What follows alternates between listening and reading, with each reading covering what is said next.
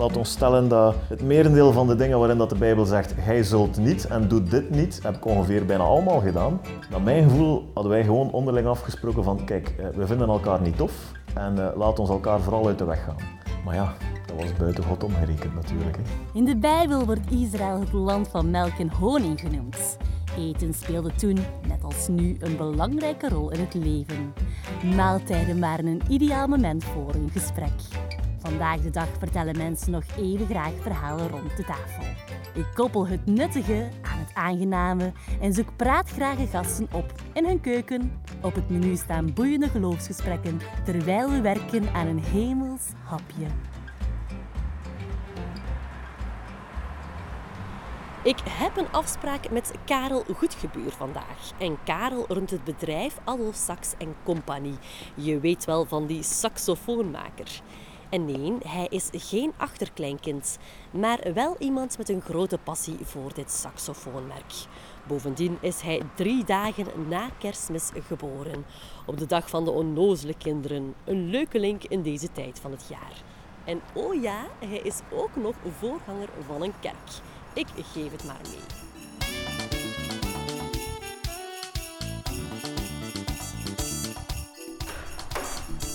Gaan we naar binnen. Eigenlijk is dat hier geen gewone winkel, dat is hier eigenlijk eerder een adoptiebureau.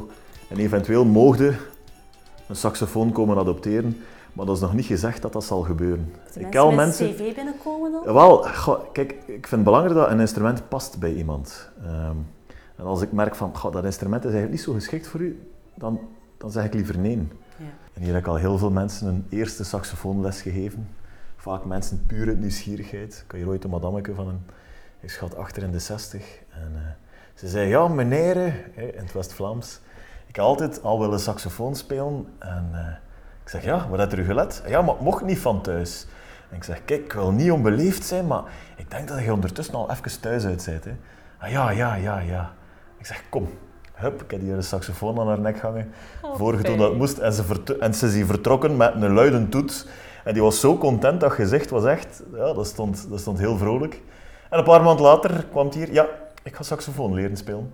Um, verkoop mij een sax en uh, laat mij weten waar ik les kan volgen. En voilà. Oké, eens uh, aan. Je bent de eerste saxofoonbouwer op uh, Ik ben de eerste saxofoonbouwer sinds dat het verdwenen is. Dus ja, dat is toch al van een stuk, stuk in de jaren 50. Ik heb in 2012 de rechten op de naam Adolf Sax gekocht. En dat is de naam van de Belgische uitvinder van de saxofoon. Dus dat is wel heel tof. Het is ook radio, hè? Zou je misschien op een van de, deze vele instrumenten kunnen uitkiezen en een melodietje Zal ik het proberen, hè? Het is heel lang geleden dat ik... deftig spelen doe ik al lang niet meer, omdat ik er gewoon geen tijd voor heb. Maar je kan het wel, dat kan niet. Ja, ja het lukt nog, zo. Stel voor voor een kerstmelodietje. Ga ik er kijken of dat er nog in mijn vingers zit, hè? Want kerst en ik, ja... We hebben zo een rare affaire met elkaar. Daar gaan we straks zeker verder op ingaan. Absoluut. Is dat jouw eigen saxofoon die je nu vastpakt? Of ja, dat is eigenlijk de allereerste dat ik ooit gemaakt heb.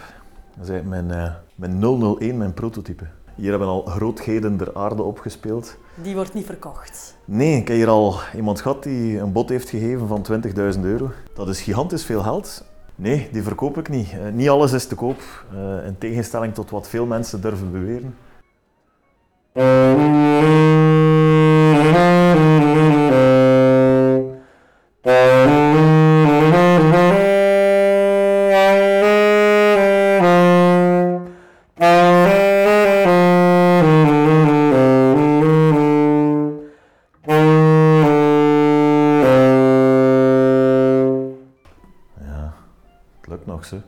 Zou best wel wat meer moeten oefenen eigenlijk. Hoe vaak speel je zelf? Uh, bijna nooit meer, effectief niet. Eigenlijk is mijn zaak begonnen toen dat ik um, tien jaar geleden mijn rug gebroken heb. Uh, tijdens een valpartij met de mountainbike. En ik wou kunnen zeggen dat het tijdens een heldhaftige afdaling was, maar het was gewoon hier in het verkeer. En ik ben een centimeter gekropen sinds dat accident. Dus je zou kunnen zeggen, ik ben nederiger geworden. Hè. Toch een hele centimeter. En uh, in het ziekenhuis hadden ze gezegd van, kijk, je bent voor de rest van je leven een pijnpatiënt. Je hebt recht op zoveel procent invaliditeit. Maar uh, ik heb dat geweigerd, die invaliditeit. En, ja, maar ja, je krijgt daar centen van. Ja, nee, dat interesseert mij niet. Ik wil geen papiertje hebben die zegt dat ik iets ben die ik niet wil zijn. En ik wist toen al, van ja, maar ik, ik ga er wel van genezen. Ik wist op een dag, ben ik daar vanaf. Was je toen al bezig met je zaak? Uh, nee, nee. Maar het is wel de rechtstreekse aanleiding geweest om dit te doen eigenlijk. Het gevolg was, ik had vrij veel pijn. Ik kon geen saxofoon meer spelen, omdat dat gewicht rond mijn nek te veel op mijn wervelkolom drukte. En, en ik werd gek, hè, want ik, ik was zot van in de sax. En, en ja, ik ben er maar van puur miserie mijn eigen saxofoon beginnen uiteen te halen, om dan niet meer te weten hoe dat al die stukjes samen moesten. Uh, dan ben ik met mijn zakje vol met onderdelen naar een technieker geweest. Ik zag aan zijn blik dat dat niet de eerste keer was dat er daar iemand voor hem stond met een, een doos stukjes. En die man heeft mij geholpen, en, maar ik was zodanig in mijn gat gebeten dat ik dacht van, ik moet dat nu wel kunnen. Hè. Dus ik heb het nog een keer gedaan. Maar deze keer heb ik foto's genomen van elke stap. En, en tijdens dat proces van dat terug assembleren van die saxofoon, ik vond dat zo plezant. Dat proefde nog meer. Ja, ik contacte echt dat meer affiniteit had met het technische aspect van saxofoon dan eigenlijk met het spelen. En, en al heel snel, ja, spelen kon ik niet meer. Ik heb me eigenlijk volledig geworpen op het technische gegeven van sax. En het is een klein beetje uit de hand gelopen. Hè. En ik heb ook begrepen dat je momenteel aan een zeer bijzonder project werkt rond granaten en saxofoons. Leg uit. Ja. Wel, ik, in 2014 werd ik geconfronteerd met de tekst uh, uh, En dan zullen ze hun zwaarden omsmeren tot ploegscharen. Dat is een tekst die onder andere tegenover het UN-gebouw staat in New York. Dat is eigenlijk een tekst die uit het Oude Testament komt, van de profeet Jezaja. Het staat ook in Micha trouwens. En ik dacht van, ja, ploegscharen, daar heb ik niks mee. Ik ben geen boer. Maar uh, saxofoons, daar heb ik wel wat meer mee. En toen begon ik te denken, oké, wat heb ik nodig voor saxofoons? Messing, dat is basismateriaal. En dan ben ik heel snel uitgekomen om eigenlijk granaathulzen, artilleriehulzen, die, die gemaakt zijn, zijn. Voilà, hè, van messing, om die te gaan verzamelen en om te smelten tot nieuw plaatmateriaal. Uh, voor een veel nuttiger doel dan dat ze voor gediend hebben eigenlijk. We gaan ook een aantal goede doelen daarmee gaan steunen met dat project. Sax voor Pax was Sax voor Pax, ja, dat is het van al de babbelen krijg je niet alleen dorst, maar ook een beetje honger. En dat is ook de bedoeling van dit programma. Dus ik heb begrepen dat jij een klein keukentje hebt. Ik heb een heel klein keukentje, maar die wordt wel nuttig gebruikt.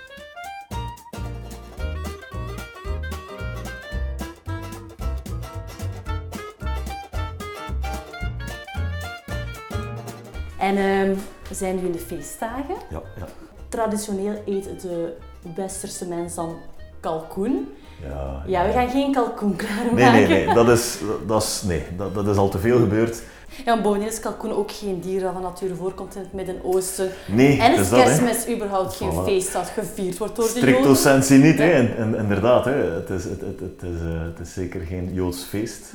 En na een beetje grasduin in de Bijbel, als je dan zoekt naar een, een ander feestmaal, dan kom je bijvoorbeeld uit op de maaltijd die gehouden wordt ter ere van de verloren zoon. Ja, ja, en zoals je al zegt, dan aten ze... Voilà, dan aten ze vlees. Hè. En, en dat, dat, vlees, ja, als er vlees gegeten werd, was toch wel een, een, een, teken van een feest. Want ze hadden toen ook echt heel veel, en nog altijd, die hebben een groot belang aan respect voor dieren, voor de zorg voor de dieren eigenlijk. Je moest ze goed behandelen. Um, en je doodt die ook niet zomaar. Hè. En dat is enkel voor de belangrijke gelegenheden. We gaan vandaag een, een, een lekker kalfsgebraad klaarmaken met champignons. Ja, we gaan zelf geen kalf vetmesten, maar ik veronderstel dat je naar de slager bent geweest. Ik ben naar de slager geweest, ja. Oké, misschien uh, moet je even beschrijven op welke manier we het kalfsgebraad gaan bereiden? Wanneer is de pan eigenlijk goed gaan verhitten, dat, die, uh, dat de boter dan ook echt heel snel smelt. En we gaan eigenlijk alle kanten van het kalfsgebraad eerst mooi uh, dicht gaan schroeien, want anders verlies je te veel vocht. Dan zit je met een zeer droog gegeven en dat willen we natuurlijk niet. Hè. Het is een kalfsgebraad met uh, champignons. Ja. Uh, misschien uh, zal ik de champignons snijden en jij me toe. Als je dat wilt doen, zou dat fantastisch zijn, want ik ben nogal een bruten in de keuken, moet ik eerlijk zeggen. Oh, maar dan doe jij het vlees. Jij schoot het vlees, zegt dat is voilà, voor bruten en ik zal het voilà. fijnere snijgedeelte meenemen. Ik denk dat de taakverdeling hier perfect zit. Heb jij voor mij een snijplankje? Ik heb een snijplankje. Voilà. Ah, die heeft mijn schoonmoeder ook. Dat is ah, ja. een heel goeie.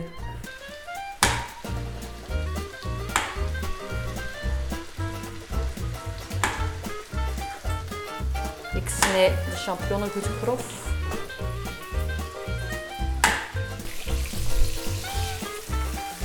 Wordt er bij jullie thuis ook uh, altijd gezamenlijk aan tafel gezeten voor de maaltijd? Of, of ja, wel. We hebben dat eigenlijk terug gedaan. Uh, vroeger durfden we zoals vele Belgen alle keer op de koffer voor de tv eten, maar eigenlijk hebben we beslist, een hele tijd geleden, dat we dat eigenlijk niet meer gaan doen. Het toch belangrijk is dat je als gezin Al is het maar een kwartier, twintig minuten, maar dat toch even samen gezellig aan tafel zit. Dat is ook het moment dat de kinderen dan meestal uh, hun vertelmomenten ja. En die slaan dan vaak uh, alles eruit wat als die dat hebben meegemaakt. Ja, je hebt twee, twee kinderen, ja, hè? twee kinderen. Ja. Max en Alex. Uh... Jongen en een meisje. Ja, ja. Zo. Champignons zijn gesneden lenteuitjes. Uh, als jouw gebraad echt geschroeid is, dan mag, daar ook, mag dat ook gekruid worden. Ja, hè. Um, de rozemarijn.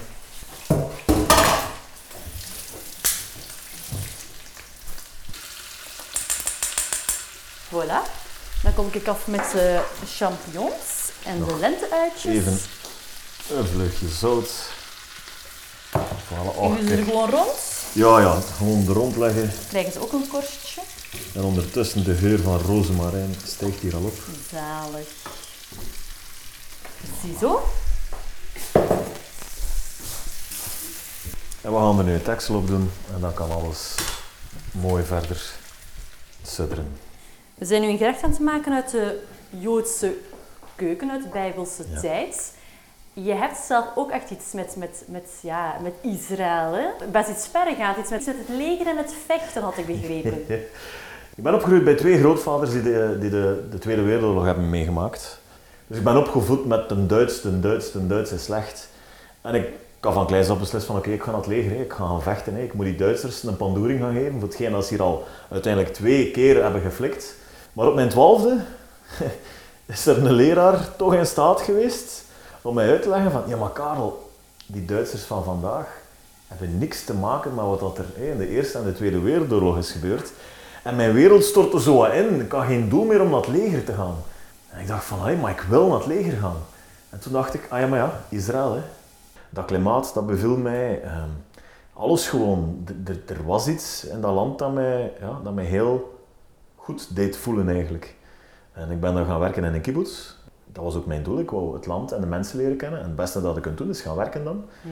Ik heb dat vrijwilligerswerk gedaan. En na drie weken sprak ik eigenlijk al vrij vlot Hebreeuws. Heb je dan ook effectief gevochten toen? Of het was nee, nee, nee. nee. Dat, was echt, uh, dat was eigenlijk een verkenningsreis voor mij. Ja. Uh, gewoon het land gaan verkennen. Achteraf bekeken is het maar best dat ik daar niet in het leger ben beland. Het gekke is dat uiteindelijk zou het... Ehm, 13 jaar duren eer ik zou terugkeren naar Israël voor de eerste keer. Misschien moeten we nu, niet aan het zuiden is, hier even naast gaan. Ja, uh, kunnen we daar even verder babbelen? Perfect. Ja.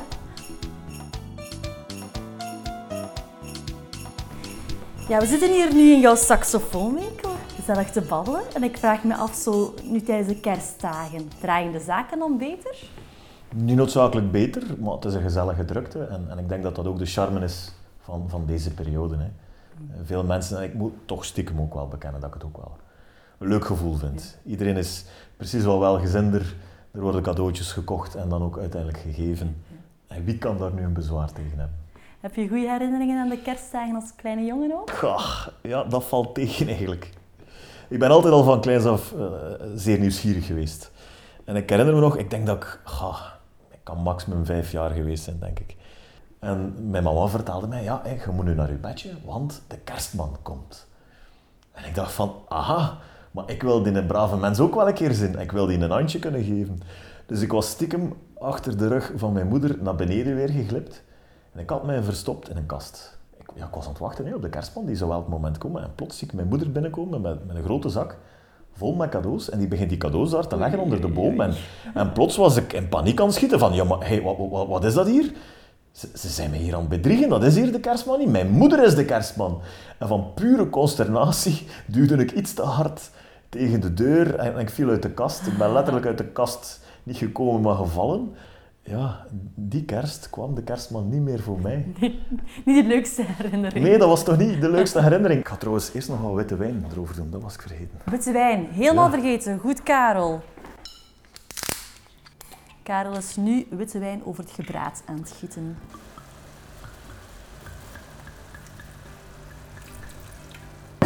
Oh, fantastisch. Oh, happy day. Happy day. Oh, happy day. When Jesus washed. Oh, when he washed.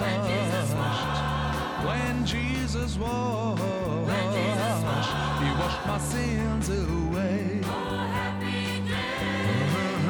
happy day. Oh, happy day. Oh, happy day.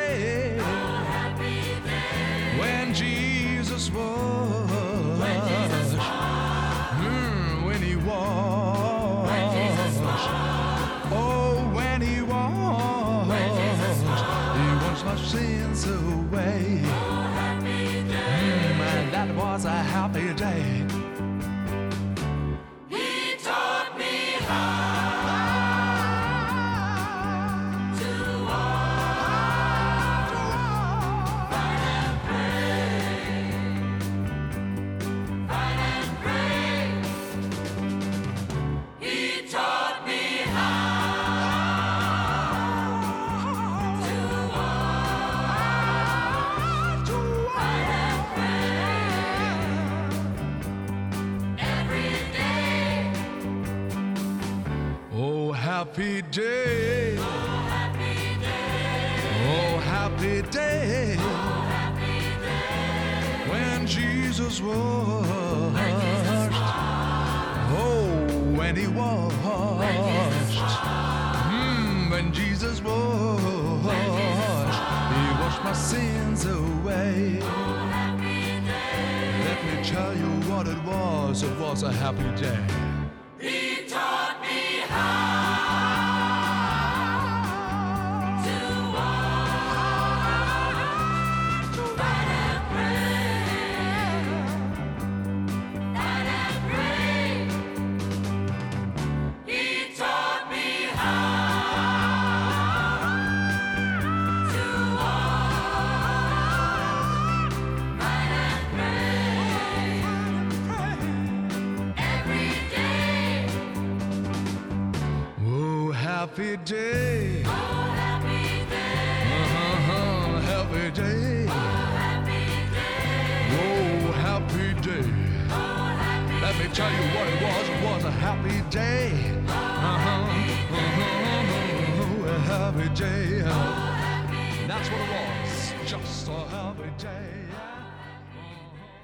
Jij bent ook geboren op eh, 28 december, de dag Ja. van de onnozele kinderen. We gaan even terug in de tijd. Wat was er weer gebeurd toen? Ja, ik ben dus geboren op de dag van onnozele kinderen. En dat was eigenlijk eh, de dag die dient als herinnering aan het, eh, je kan het bezwaarlijk incident noemen, want het was eigenlijk een slachtpartij.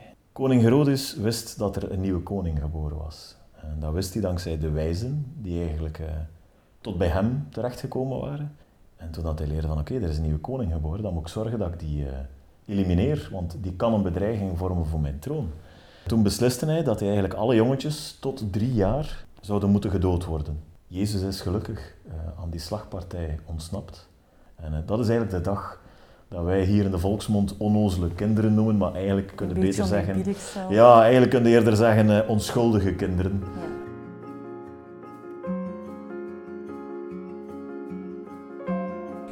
Je bent nu bijna 40, ja, op de dag af bijna. Ja, ja.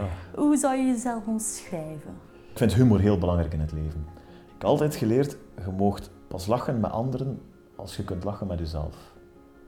En dan heb ik heel snel geleerd van met mijzelf te lachen, om dan ook met anderen te mogen lachen. Niet uitlachen uiteraard. Ik heb eh, al een meer dan gemiddeld pittig leven achter de rug, een pittige jeugd gehad ook. Mijn ouders zijn gescheiden, dat was een vechtscheiding. Maar ik moet wel zeggen dat ik zelf, door alle frustraties en pijn die ik toch ook meedroeg, waar ik nooit over praatte, want praten over mezelf, dat was done. hè. Mag ik vragen, werd je toen ook al gelovig opgevoed of was dat Ja. iets dat later pas kwam? Ja, nee, dat is eigenlijk in die periode gekomen eigenlijk. En, en dat is waarschijnlijk ook mee een beetje de, de, de oorzaak geweest dat mijn ouders uiteen gegaan zijn, of dat mijn vader weggegaan is uiteindelijk.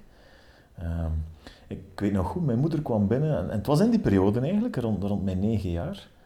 En mijn moeder zei, ja, God bestaat en we gaan naar de kerk. En voor mij, ja, dat was, dat was heel leuk, maar toch zag ik ook een klein kantje in de kerk. Ik had de indruk dat voor sommigen eh, de vorm belangrijker was dan de inhoud. Als je woorden maar juist waren en als je geen verkeerde dingen zei, dan waren je eigenlijk al goed bezig. Dan Terwijl was je al gered misschien. Ja, ja, er heerst een echte mentaliteit van, ja maar ja, kijk, wij zijn gered en de anderen zijn zondaars. En het stompte mij af. Ik had ook een bepaald godsbeeld ontwikkeld. God was voor mij Een oude man met een hele lange baard, die eigenlijk constant aan het wijzen was naar mij om mij te tonen van kijk, je bent slecht, je bent verkeerd.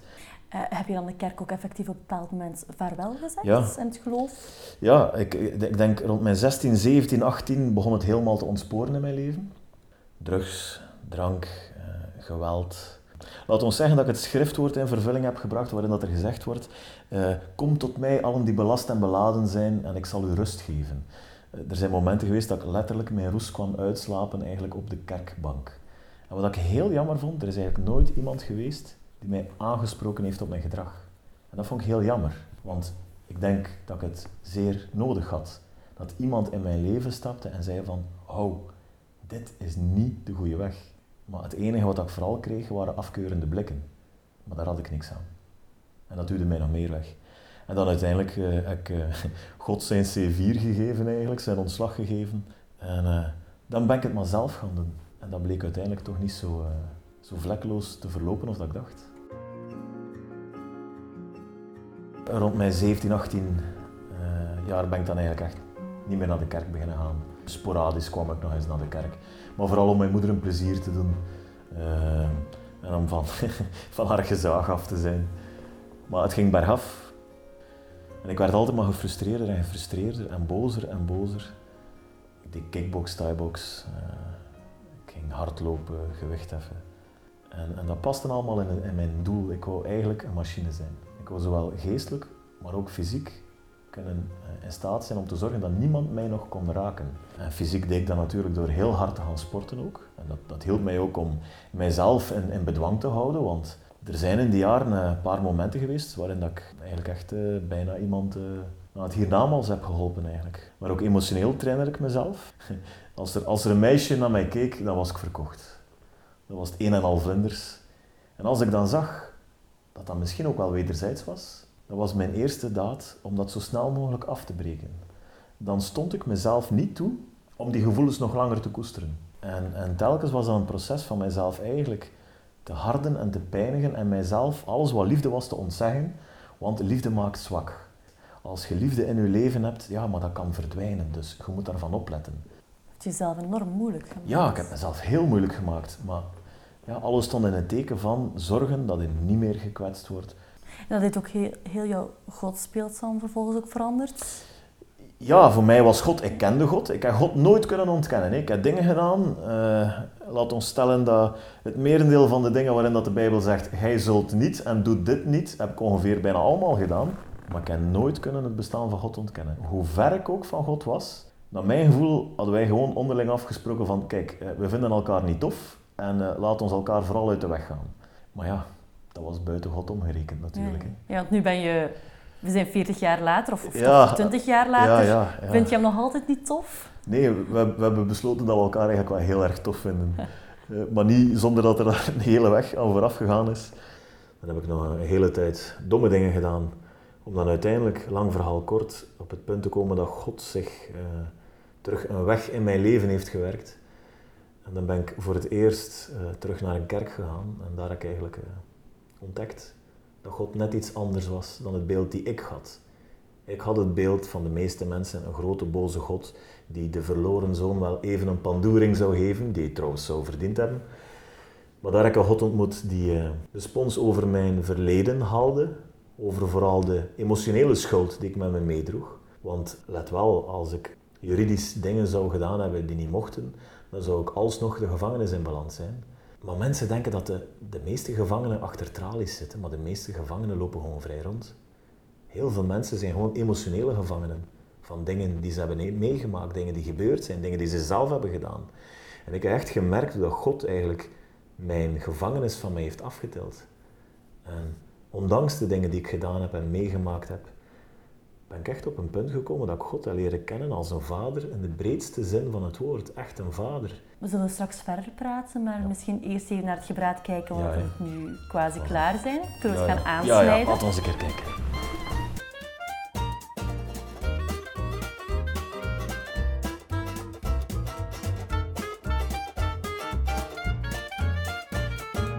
Ah, fantastisch. De aroma's van rozemarijn komen ons al tegemoet. Ja, ik heb hier een, een Ja, schaal ja. klaargezet. Voilà. Of een groot bord. Of een groot bord. Voilà. Ik vond niet direct een schaal in jouw keuken. Nee, nee, nee. Het is, een, eh, eh, het is niet de keuken van mijn thuis, het is de keuken van mijn winkel. En hier regeer ik. En ik ben nogal primitief als Geen het gaat. schaalpersoon. Nee. Hoeft ook niet. Even denken, zou ik er nog binden dat er wat saus op zit? Of laat Ja, het gewoon ja. zoals het is? Het is We zoals jij het. Ja, maar ik vind saus toch wel belangrijk. Ik ga doen zo'n bindmiddel in de pan. Geen gewone maïzena, maar arrowroot poeder. Oh, uit de biologische winkel. Ja, ja, ja. Het is niet dat ik zo'n extreme gezondheidsfreak ben, maar als het even kan, mag het altijd. Zeker, zeker. Ik zal anders intussen al eh, Ja, het Franse brood ook een beetje aansnijden. Wil jij het poepje of liever een stuk uit het Ah, midden van het brood? Ja, ja, nee, nee. Ik eh, ben de, de tjoepkesman. De chipjes, voilà. Zo. En eh, wie dit thuis wil zelf klaarmaken, kan dit ook gerust met lekker rijst of patatjes of Ja, ja, kroketjes. Voilà, ik ga je een stukje geven. Ja, dank u Nou, champignons. Ziet er alvast lekker uit. Ja, perfect. Het is niet nog- uitgedroogd. Nee, nee, gelukkig niet. En ik weet dat jij geen champignonman bent, maar ik vind ze eigenlijk lekker. Ze zijn, eh, smaken niet naar plastic. Nee, Ik hoop het. Oh nee, ja, dat is goed. Amai. Even mijn mond leeg eten. Dat is praktisch. Ja. Oké. Beetje opschuiven.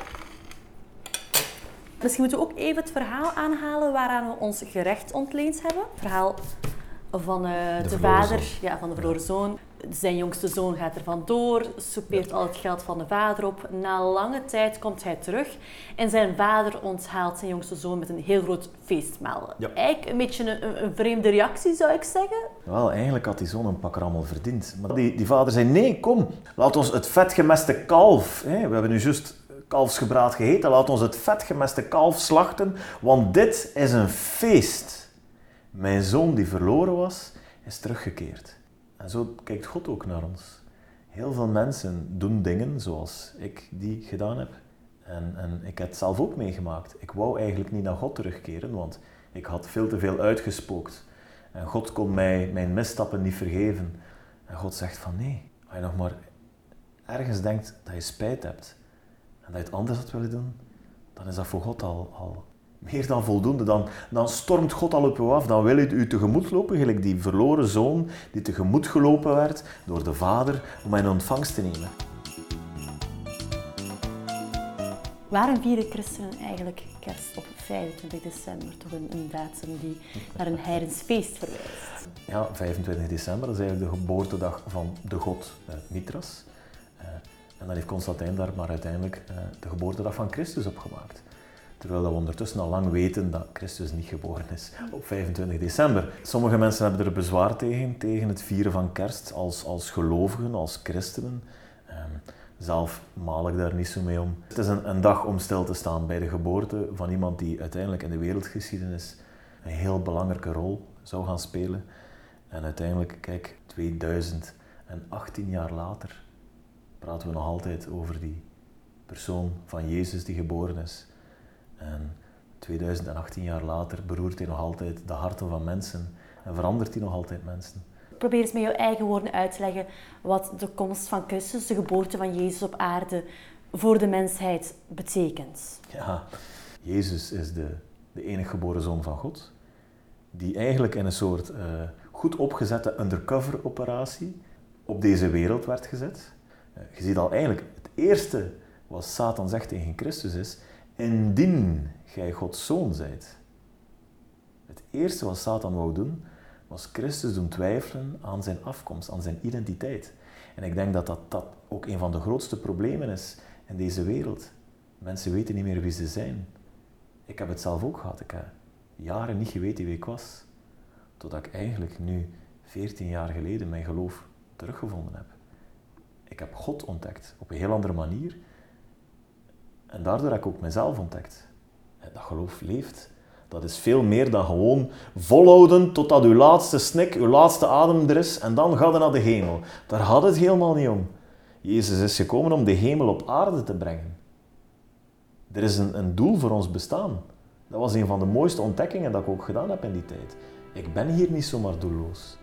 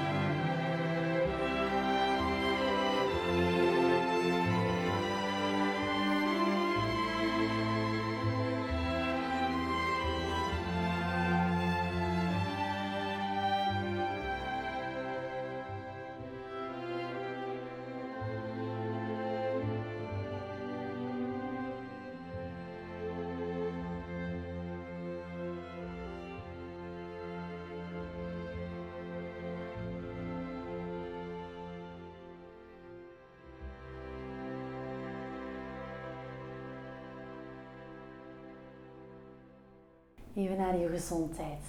Ja, ja. In 2015 kreeg je plots last van een, een onschuldig griepje, maar een griepje Ja. waar je dan twee maanden van de coma belandde en bijna niet meer uitgeraakt. Ja. Begin eh, 2015 in januari werd ik ziek. En al snel had ik door, oké, er is een griepje. En, eh, maar ik loop niet gewoon naar de dokter. En 39 graden koorts, 39,5 graden koorts. Maar ik dacht van, kom, we gaan eh, gewoon doorzetten. En ik herinner me nog dat ik hier met, met 39,5 graden koorts rillend eh, tegen de verwarming lag. En hopende dat er toch maar niemand zou aanbellen. De verwarming die Ja, ja, juist naast ons Ja, ja, hier ja, ja in deze de verwarming die er nu toch wel... Hè, Oh, Oké, daar lag je eh, tegen. dan. noodzaak wel flink aanstaat, daar lag ik tegen en ik had nog koud.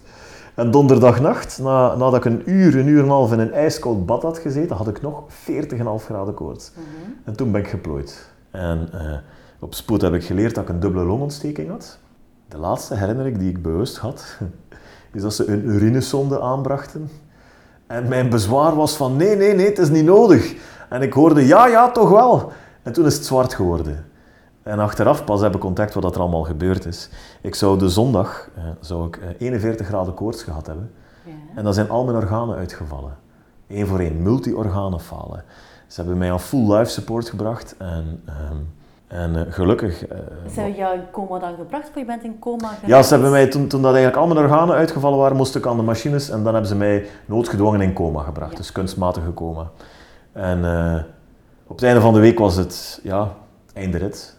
En gelukkig dat de mensen van Gasthuisberg en Leuven mijn monitors aan het volgen waren op afstand. En, en hebben ze toch beslist om mij mee te nemen naar Leuven met een overlevingskans van 1 op 10 om het transport te overleven. Ja, alles wat dat ze deden en die mensen hebben echt fantastisch werk Ja, geleverd. tussen ook verschillende operaties. Oh ja, ja. ondergaan. Ze hebben mij negen keer geopereerd, zes spoedoperaties van de negen operaties om mijn longen te redden. Heel even lag er een longtransplantatie op tafel, maar omdat ik zo verzwakt was, wisten ze ook van ja, dit zal niks uithalen. En ehm, uiteindelijk ook na, na ja, een goede zes weken hebben ze ook daar moeten beslissen van ja, hier, hier houdt het op. En toen? En, en op het moment ja, dat dat beslist wordt, einde rit, ja, dan is het drie dagen of drie uur, maar ik zou sterven. En uitgerekend op dat moment zijn mijn functies teruggekeerd. En eh, Zomaar dan. ja, out of the blue. En het is wel heel grappig, een van de professoren van Leuven heeft achteraf ook echt wel gezegd van kijk, eh, wij hebben jou niet genezen. En daar ben ik ook heel erg goed van bewust. Heb je dan een streepje voor bij God, omdat jij... Ik zou, heel graag, ik zou heel graag willen zeggen dat ik een streepje voor heb bij God. Maar ik denk niet dat ik dat mag beweren. Maar waarom kom jij er dan uit, terwijl heel veel anderen Ja. erin zouden blijven? Goeie vraag. Ik- Ik denk dat God blijkbaar nog wel wat plannen heeft. Maar er is enorm veel gebeden ook. Het was bijna letterlijk zoals in het liedje van K3. Van Afrika tot in Amerika, tot in de Himalaya. Letterlijk is er voor mij gebeden. En ik moet eerlijk zeggen dat ik niet altijd weet waarom bij anderen wel en bij anderen niet.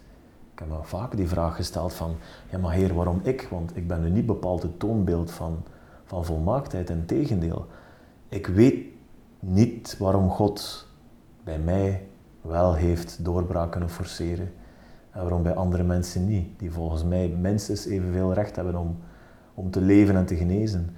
Maar we moeten gewoon realiseren dat we, we leven in een soort ja, strijd. Heel vaak gaan mensen wijzen van waarom is er zoveel ellende in de wereld als er een God is?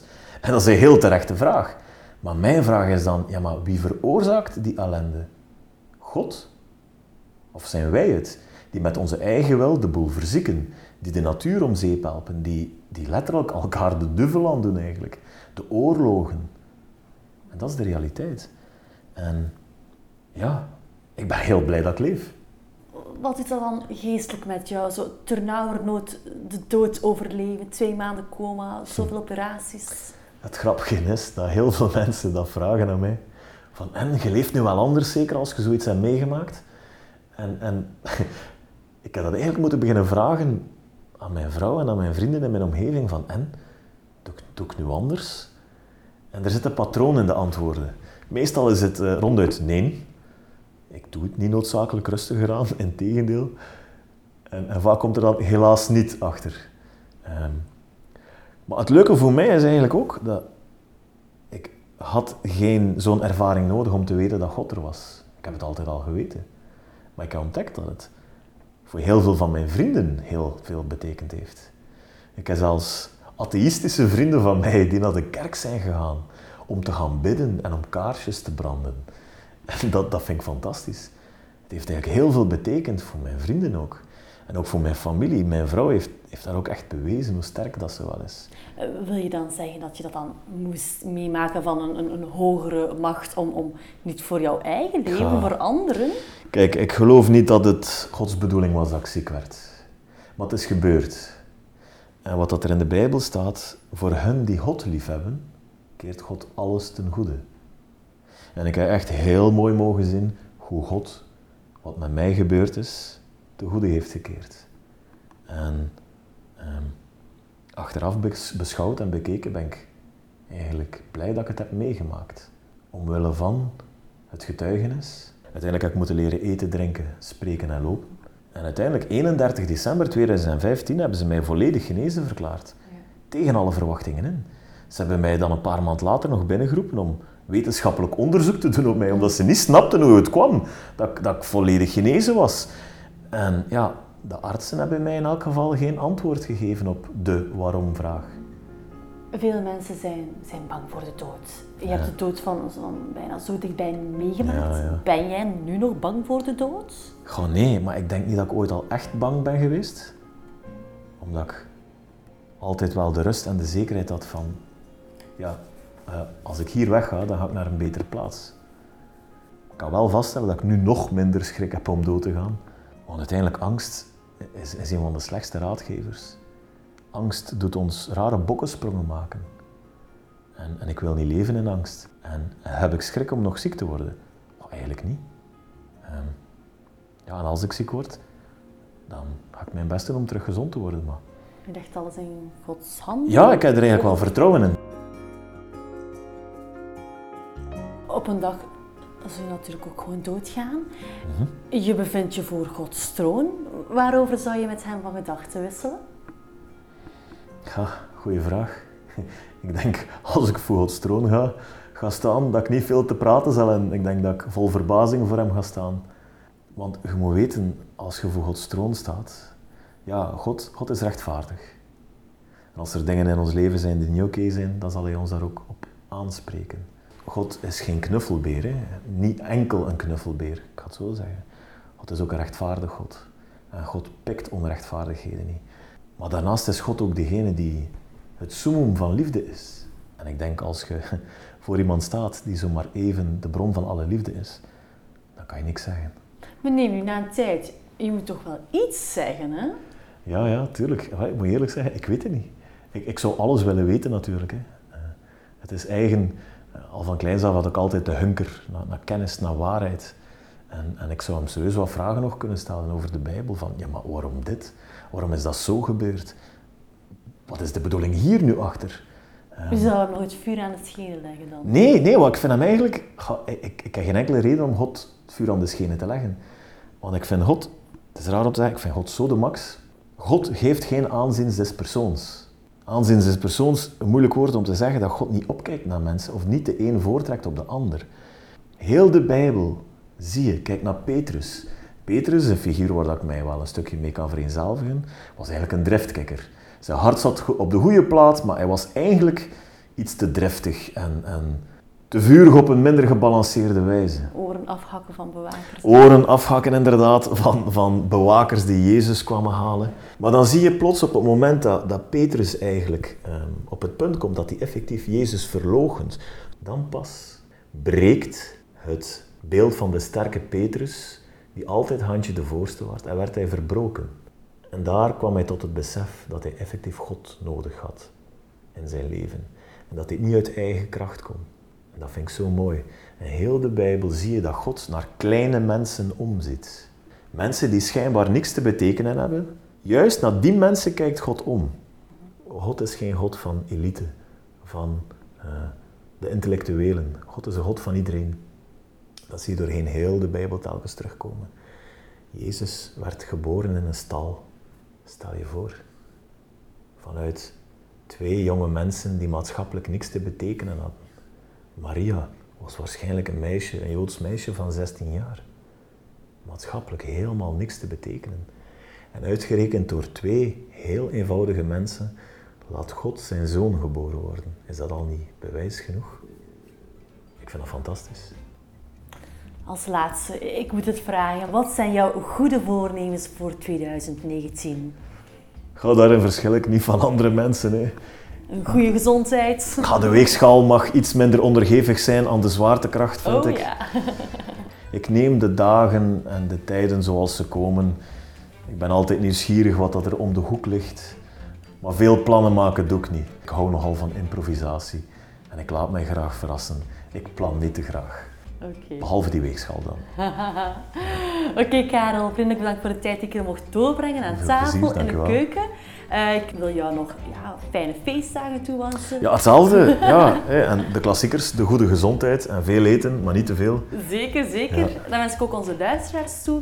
Wie eh, ons kanskracht met champignon wil namaken, kan ik doorverwijzen naar onze website twr.be of onze Facebookpagina. En daar zullen ook foto's te vinden zijn van ons feestmaal. Dus bij deze ja, gaan we nog eventjes verder eten en Ja. tot de volgende keer. Fantastisch, smakelijk.